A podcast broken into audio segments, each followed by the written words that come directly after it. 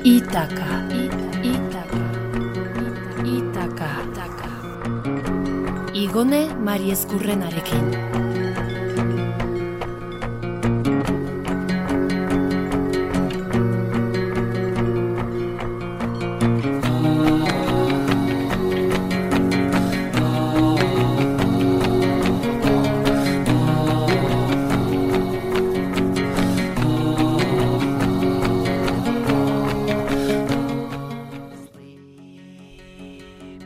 Arratxaldeon lentzule ongi etorri itakara, edo behar bada itakarantzko bidera, esan beharko genuke.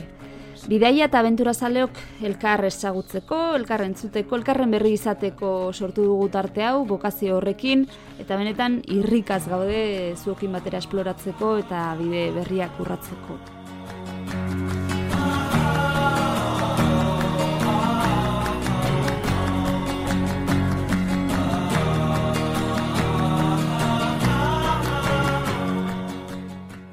Lehenengo taparako, aurreneko urratsak egiteko, hasier arroita ekarri dugu.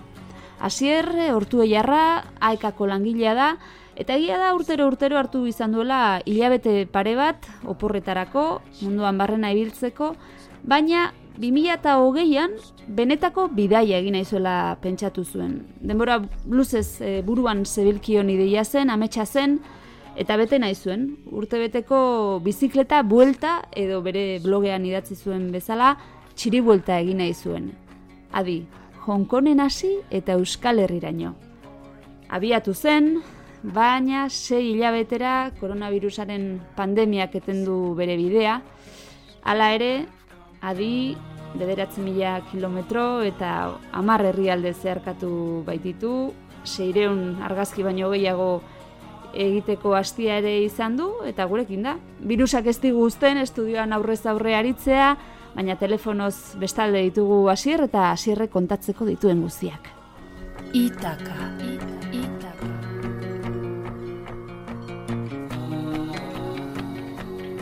Hasier arroita arratsaldeon. Arratsaldeon. Zer modu zabiltza hortu aldetik? Eh, ongi, ongi. Eh, orain eguraldi ederraekin, osea, ongi. Gozatzen, ez da, herriaz?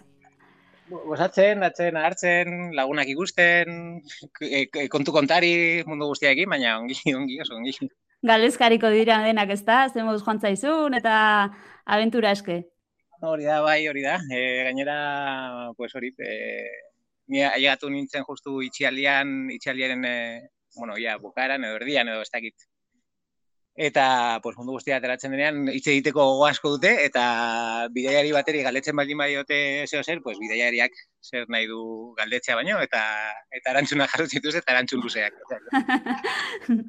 Nik ez dakit eh, hasier eh honezkero deskonektatu duzun edo oraindik gogoratzen otezaren bidaiarekin eta hala bada ez dakit une honetan edo gaurko egunean non egongo zinateken? Koronavirus ditxoso honek ez ba zure bidaia zapostu? E, pues oso presente dut, zigia zateko. E, denbora guztian nabil oroitzapenekin, gero jandea galetzen dit, gero ni banabil begiratzen ere, pues, e, e, bertan utxitako lagunek, ja, ber, zelan pasatzen ari duten e, itxialia, Eta non egon gote nintzen ere, begiratzen ari nintzen, eta justu nik uste Pakistanen ibiliko nintzela, Txinako mugatik nahiko gertu, karakorun ibilbide ospetsu horretan, eta gero, bueno, Pamir eta, eta Bartan Baiara, eta horri inguruan ibiliko nintzen uste dut. Osa, que bideia virtuala egiten, ez? Ia, ia. bai, bai, egia esateko justu, aipatu ditudan bideo horiek, bazien eh, bidai honen helburu nagusietako bat, eta horre kreditu zaite eh zapore Arantzatxoa. bai zapore gazi gozoa Espainetan ze azkenean eh, eh hor utzi behar izan nuen eh, India lockdown edo itxialdi famatu horretan sartu salako eta Pakistanetik bi egunetara geritu nintzen justu zeharkatzeko eta egia esateko hobe gurutzatu ez izana ze han egoera askoz kaskarragoa san Indian baino. Mm.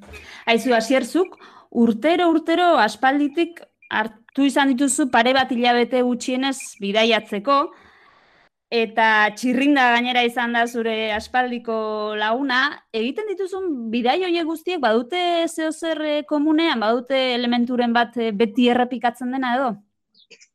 E, bai, bai, uste batzuk e, lehen da bizikoa, bueno, zuka ipatu zu modan bizikletan, nik uste bizikleta dela e, garraia biderik e, gokiena herrialdeak eta jendea benetan ezagutu nahi baldin baduzu, kotxea edo autobusa edo, bueno, garraio publikoa edo motorra baino eskoz gehiago, bizikletak badu arma berezi bat, e, inora aigatzen zarenean jendea horbiltzen darako, bideiari berezia zara, esara turista bat, eta hori da lenda bizikoa, eta bigarna da, pues, eh, asiera asieratik, eh, bideiatzen hasi nintzenetik, eh, bi gauza egiten ditut, eta eh, beti merkatuak bizitatzea, janari kontuak eta asko gustatzen zaizkidarako, eta merkatuetan pues, em, bertako bizitza, bizimodu arrunta, benetakoa ezagutzen duzulako, eta ez turistena.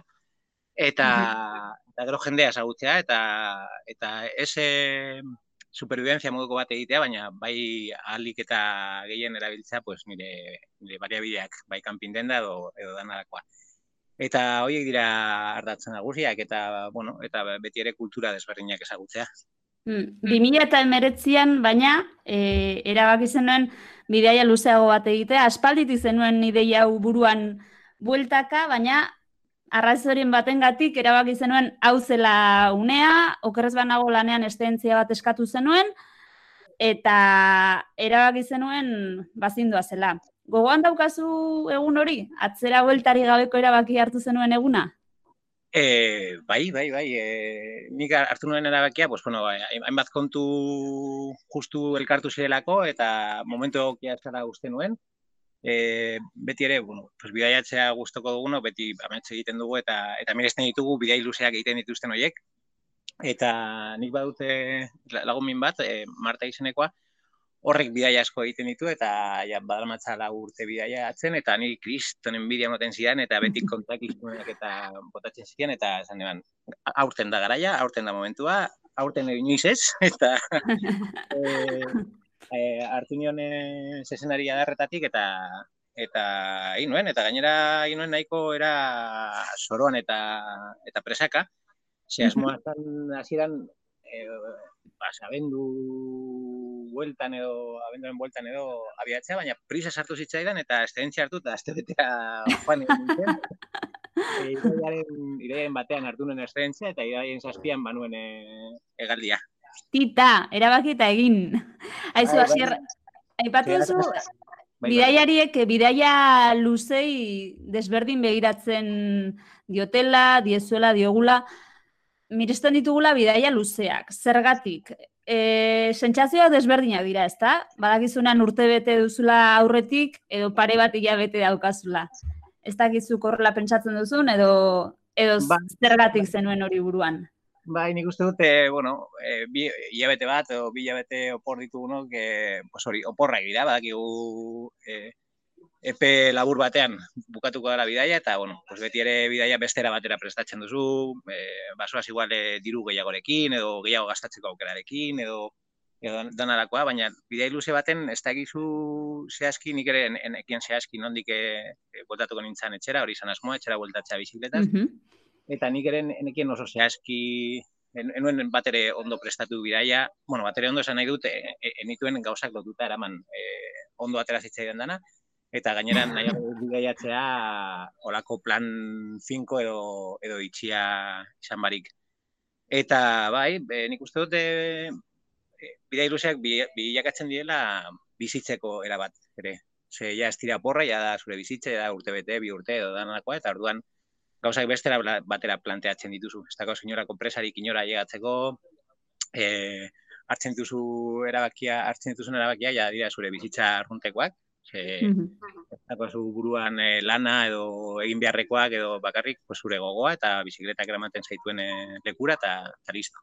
Mm. Uste, oso ongi azaldu zula zergatik edo ze momentutan oporrak bilakatzen diren bidaiazuk argi zenuen e, e, Euskal Herriraino itzuli nahi zenuela edo e, etxera ekarriko zintuen bide bat zela eta alik eta urruneneko puntutik hasi nahi zenuen Baina, zergatik Hong Kong? Usted nahiko, okeraz nago, nahiko erabaki pragmatikoa izan zela.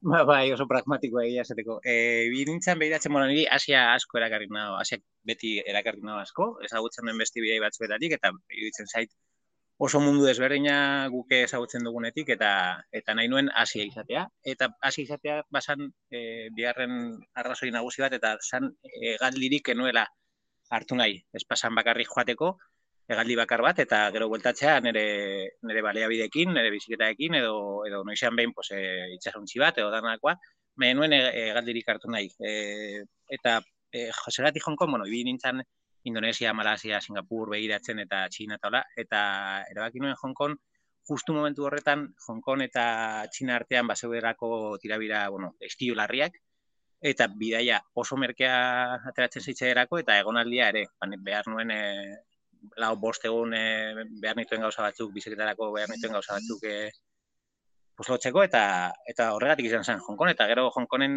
pues, e, sorionez, e, txinarako bizadoa oso erraz e, lortu nuen, bi egunetan, eta, eta txinare ezagutu nahi nuen, behitzat zatitxo bat, eta orduan e, ikusi nuenean, pues, buru belarri aritu nintzen, bueno, bidaia lort, lotzen, egonaldia, eta txinako bizadoa.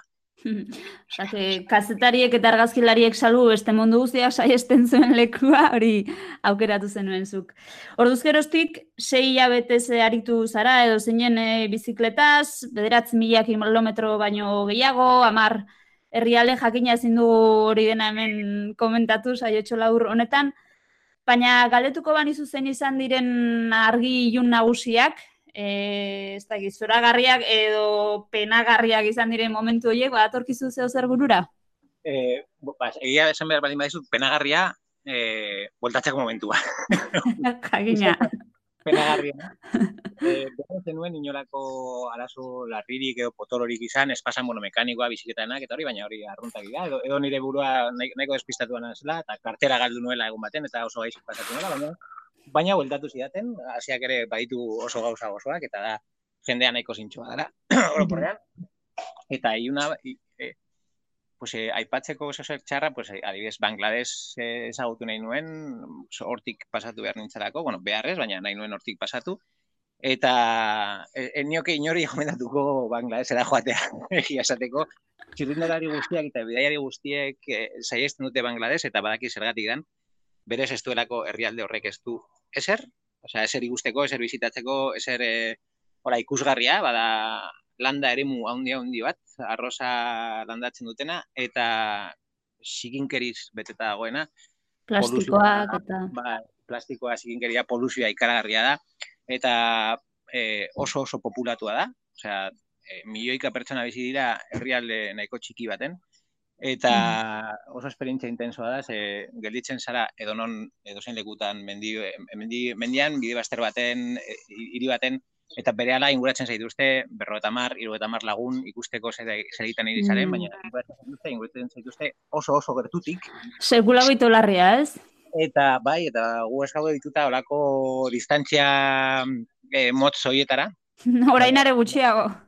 Ba, orainare gutxiago. eta han, han oso exageratu esan, baina beraiek oso atseginak dira, egia esateko oso atseginak dira, baina nahiko intimidanteak hori ere. E, puntua hartu arte nahiko intimidantea izaten zen. Pandemiak ez da zuenean, e, zu esen harrapatu zintuen, Indian, New Delhitik berreunda berrogeita mar bat e, kilometrora, eta zure blogean irudi harrigarria grabatu, bueno, grabatu eta zintzilikatu zenituen, ez bai gaude oituta Indiain utxik, ez? Indiako kaleak hain utxik ikustera. Zuretzat bai. ere esperientzia, bueno, behintzat beresia izango zen. Bai, harrigarria behintzat, bai, ze nik hasieran, bueno, lockdowna, bueno, itxialia, hane, indian, euskarria baino bete bat berando dago hasi zen, eta nik enuen imaginatzen indian olako gauza bat egiteko aukera edo izango zutenik. Gainera, idatzi nuen, ez dut uste hemen itxialdia egongo denik, ze ezinezkoa izango litzateke, horren beste jende etxean sartzea, beste gauza batzuen gatik, pues, jende asko eta asko, eskuelako etxerik.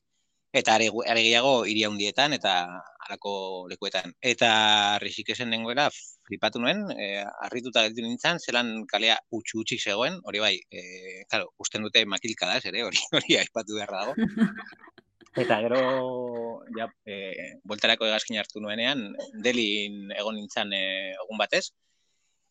Eta deli ezagutzen nuen, e, benetako deli, ez deli 2.0 honetan, eta hor bai harrituta nintzen, ze nuen inor ere ikusi kalean, eta hori hor bai harrigarria dara, ze e, nahiko hiri zoroa da, jendez gainezka dago, komertzioak, bueno, e, ikaragarria da.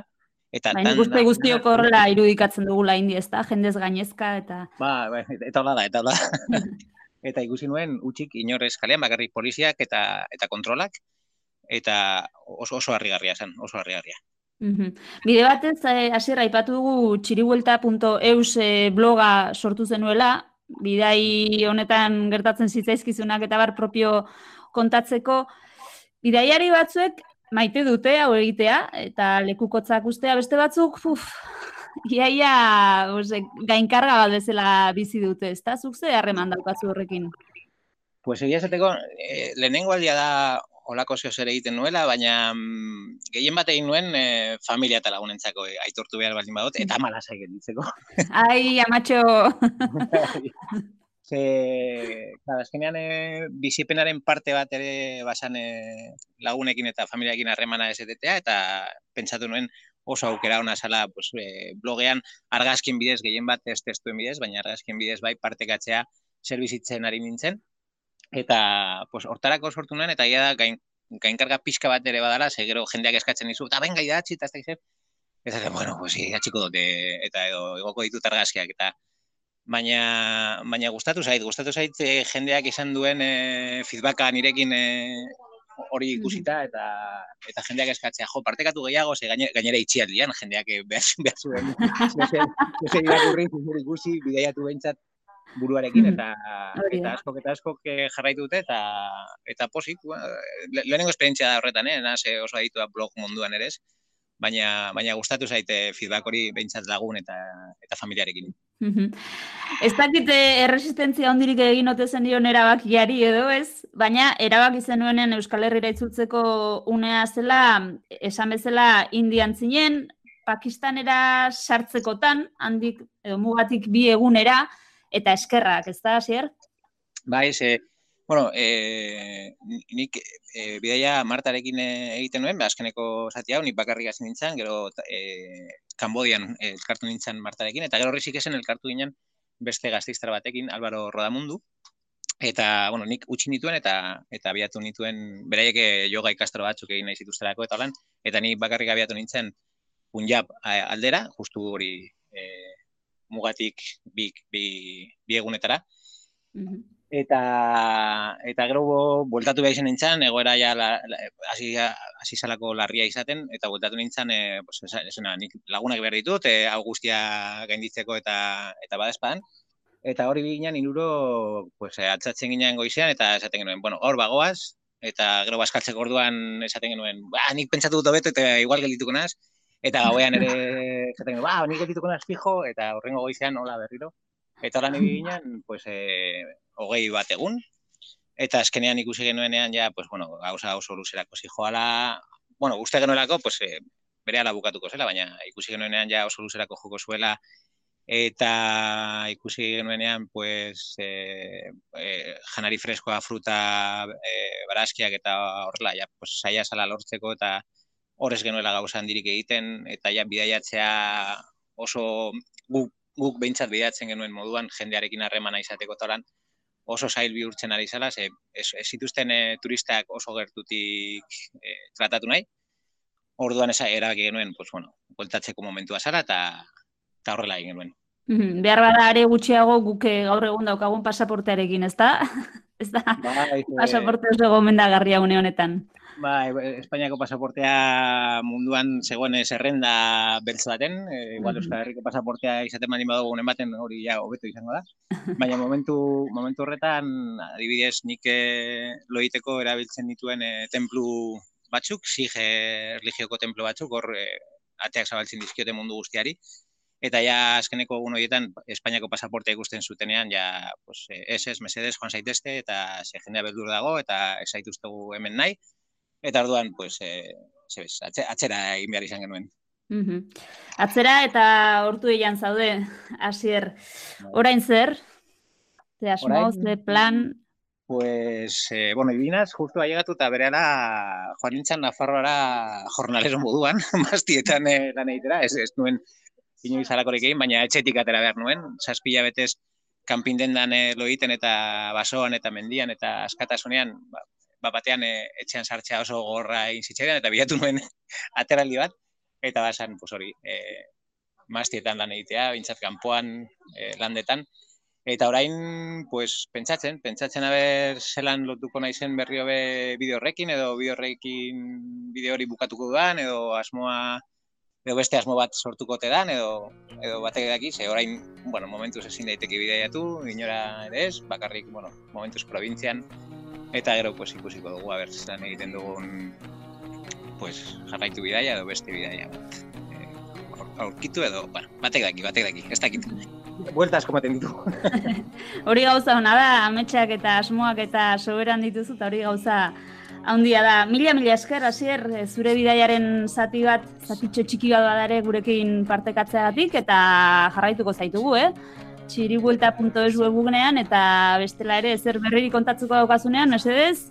Bai, bai, kontatuko dizuet gustora asko gaina itaka irrati saioan, e, sorte ona opa dizuet eta eta animo. Mila esker, hasier, ongi ongitzan, aster arte.